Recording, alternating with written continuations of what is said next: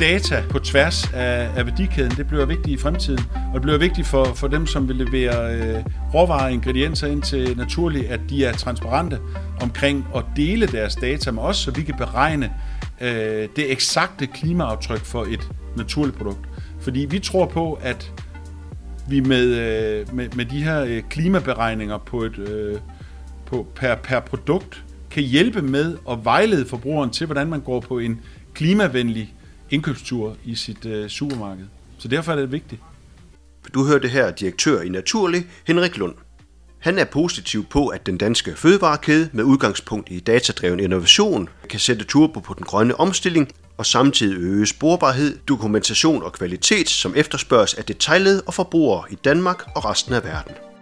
Og det er præcis det, vi taler om i denne podcast. Jeg håber, du vil lytte med, hvis du har interesse i eller arbejder i den danske fødevarekæde. Og hvis du lytter med i de næste cirka 20 minutter, så kommer du til at møde virksomheder fra hele fødevarekæden, som arbejder med bæredygtig omstilling med udgangspunkt i disruptive teknologier. Mit navn er Martin Stoltenberg Hansen. Jeg er ansat her ved Sikkes Innovation, og med mig i studiet er forløbig du, Mette Kramer Langgaard. Du er specialkonsulent i gødning og produktion, også her hos Sikkes Innovation. Og om lidt får vi besøg af Teknologisk Institut, som også arbejder med de emne her.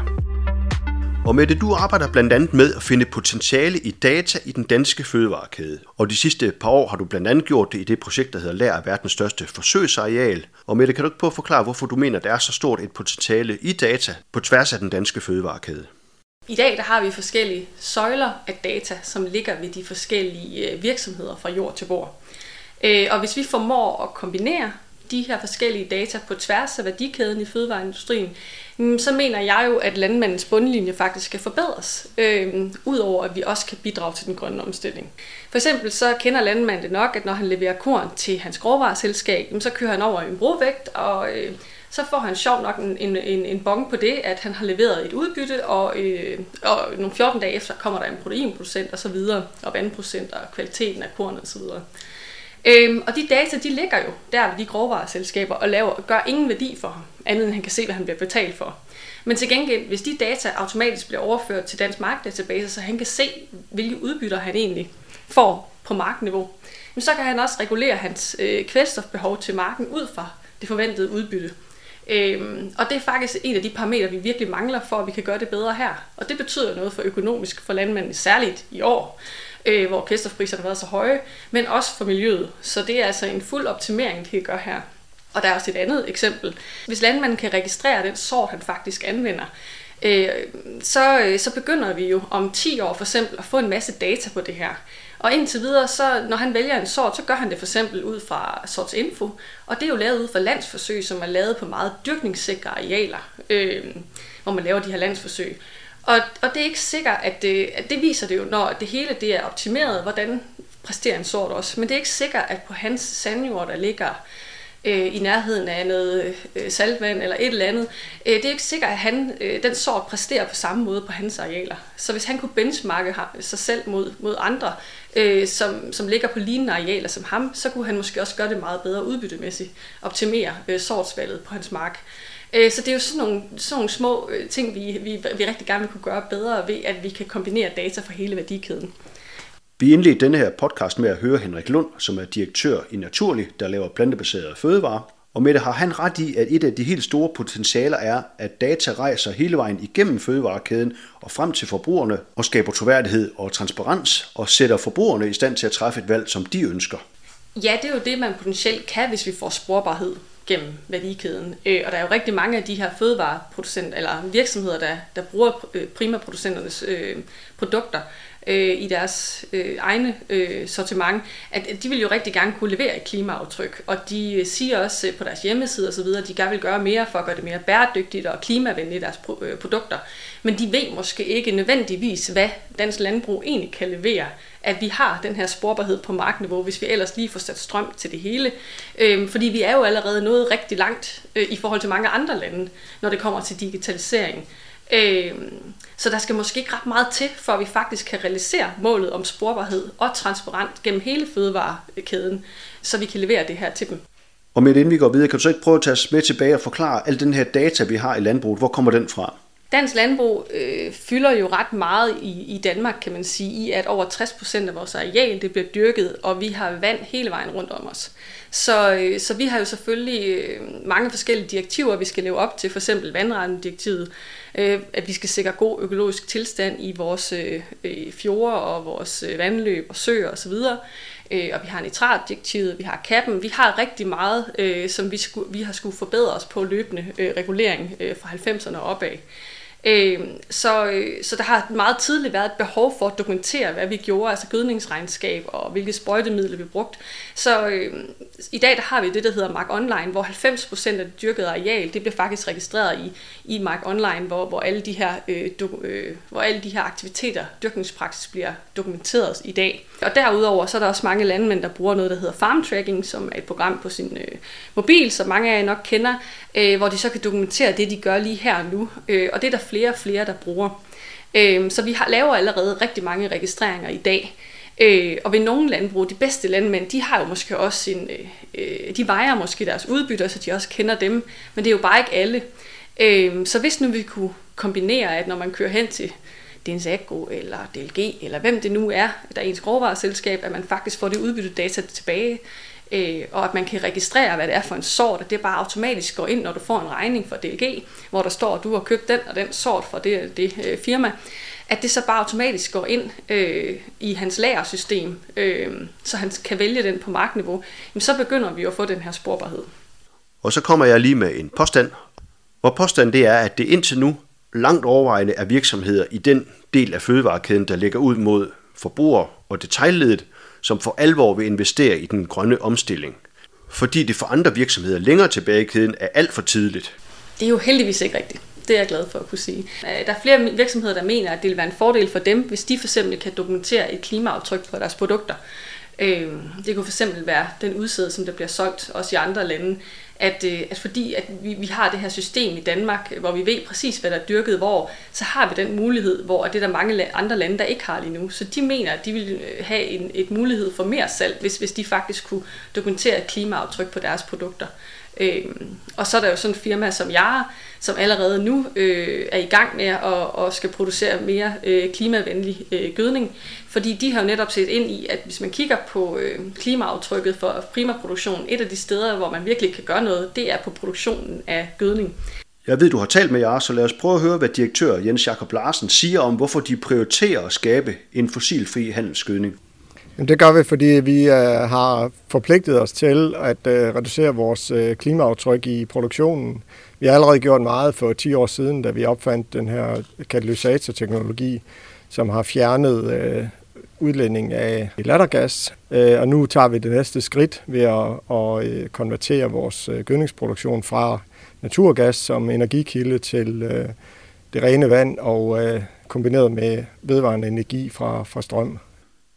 Og med det, hvorfor er det egentlig vigtigt, at der er virksomheder i alle led af fødevarekæden, som logger deres data og deler dem og indgår i strategiske samarbejder? Det her med at kombinere data fra værdikæden i fødevareindustrien, det kræver, at alle led i kæden ser en forretningspotentiale i den her idé. Hvis bare et led ikke kan se, hvordan det skaber en mere værdi af sporbarhed, øh, jamen så kommer vi ikke rigtig nogen vegne. Så landmanden kan ikke nødvendigvis udnytte det her potentiale selv. Der skal simpelthen være en driver hele vejen i værdikæden, for at vi kan realisere, realisere det potentiale, øh, der er gennem øh, værdikæden. Og det med strategiske samarbejder talte jeg også om, og lad os lige prøve at høre, hvad direktør Jens Jakob Larsen sagde omkring det.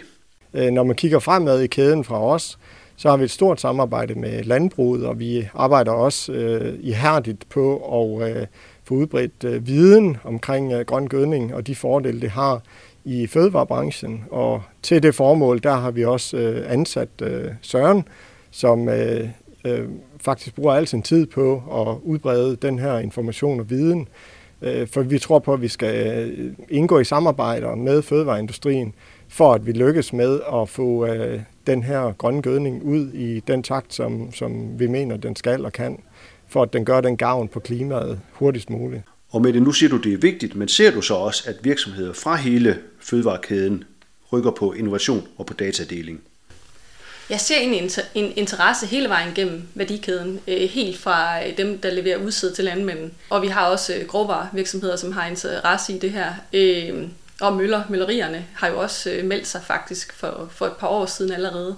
Øh, så jeg synes, vi ser det hele vejen igennem. Øh, og der skal vi selvfølgelig... Øh, der skal vi selvfølgelig ud og, og vise det her potentiale, som dansk landbrug faktisk ligger med i, at vi kan levere øh, klimaaftryk på produktniveau og per hektar.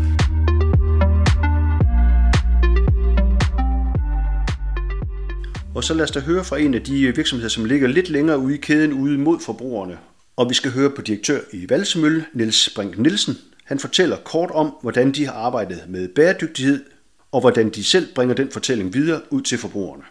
Når folk ser emballagen ude i forretningen, så har de tre sekunder til at bestemme sig. Så derfor skal vi være meget dygtige til at kunne fortælle, hvad vi gør en forskel for på emballagen meget hurtigt. Vi gør det ved, at vi har lavet vores eget klimamærke, indtil øh, vi får et officielt klimamærke. Vi blev CO2-neutrale sidste år som mølle i scope 1 og 2, og det fortæller vi på emballagen. Fordi hvis vi ikke fortæller det, så er der ingen, der kan se en forskel. Med det her forholder Valsemøllen sig til, at man ikke bare kan regne med, at man bliver krediteret for sine bæredygtige initiativer, sådan krone for krone. Og den udfordring bliver nok ikke mindre, jo længere tilbage i kæden vi bevæger os. Og hvilke udfordringer står vi med der? Det skal være sådan, at hvis en landmand vælger at betale mere for jeres klimavenlige gødning, så skal han også kunne dokumentere, øh, øh, at, at det er den, han har brugt, øh, og få tilgodeset, at, at det er det, han gør øh, enten i en mere værdi for hans korn, eller hvad det nu er. Det, der skal jo være en driver der.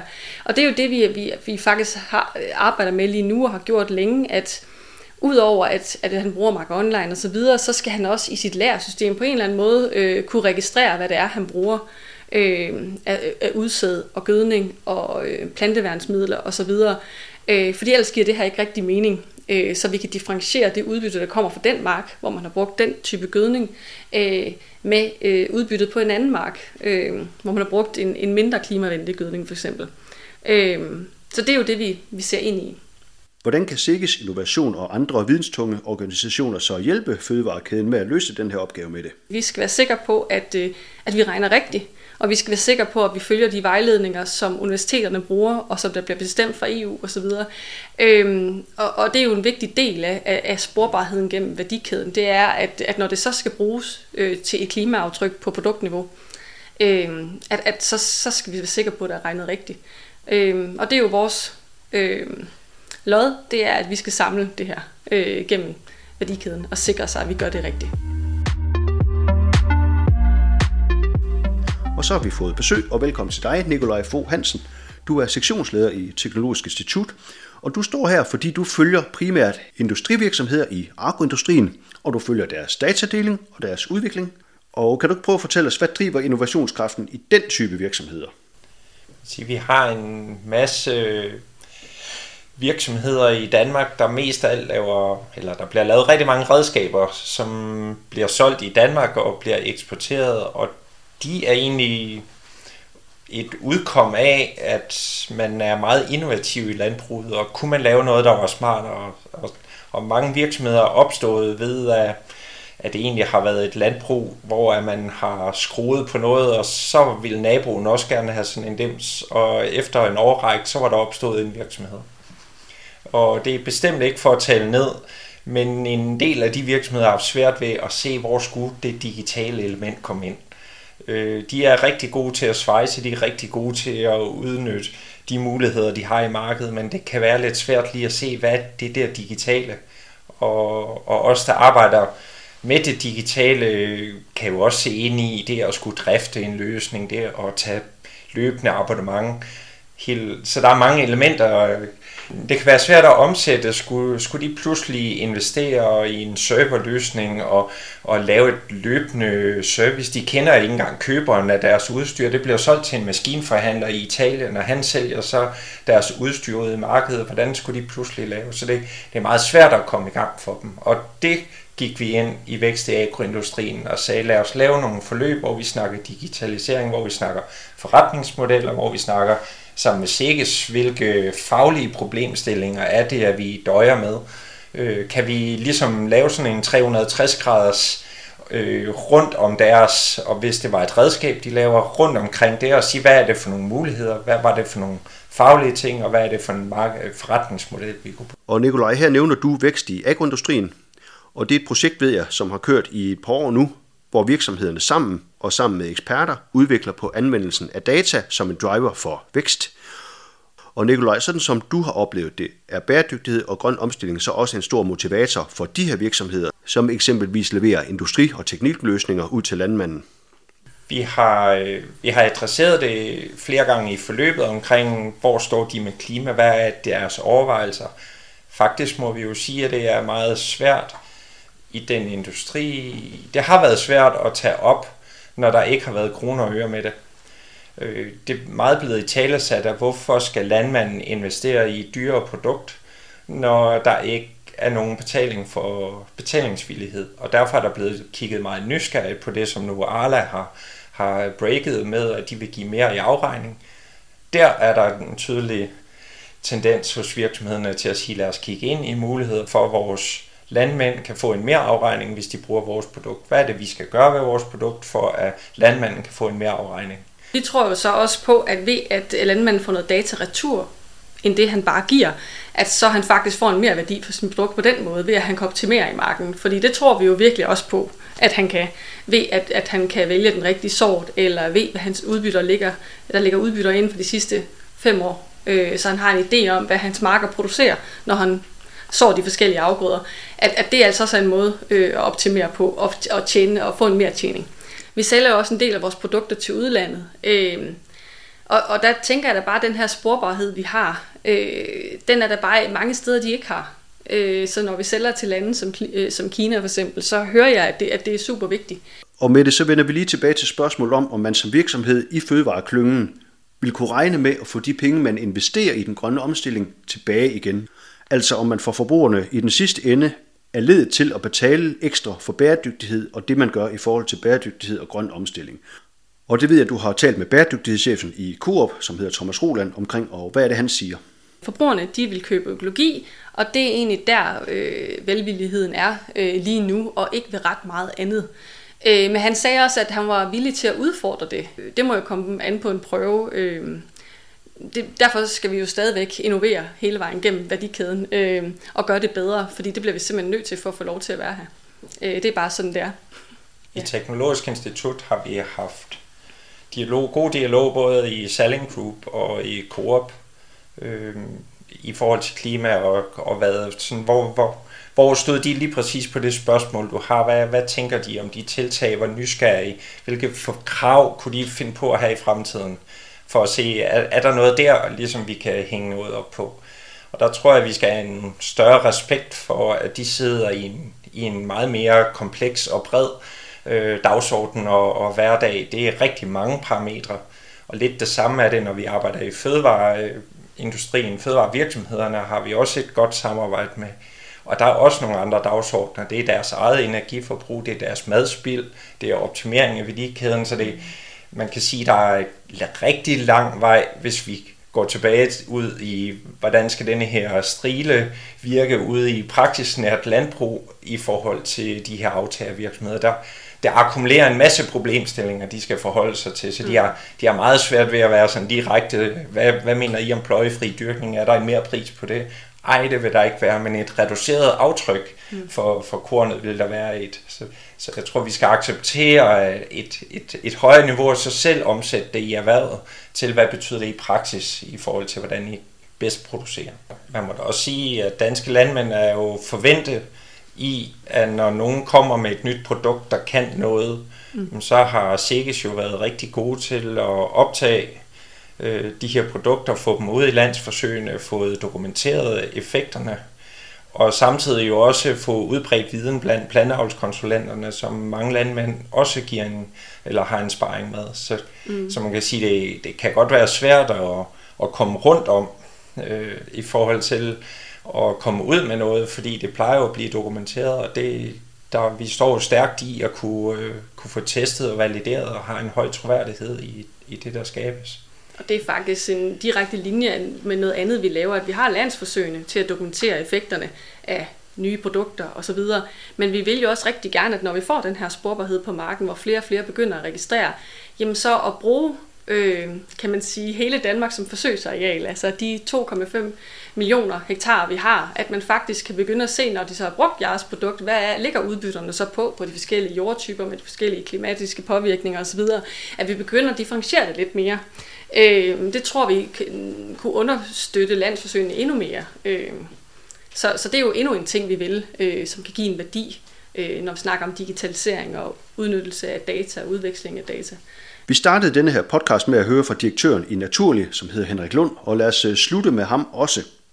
Jamen, jamen der er ingen tvivl om, at, at øh, data på tværs af, af værdikæden, det bliver vigtigt i fremtiden. Og det bliver vigtigt for, for dem, som vil levere øh, råvarer og ingredienser ind til naturligt, at de er transparente omkring at dele deres data med os, så vi kan beregne øh, det eksakte klimaaftryk for et naturligt produkt.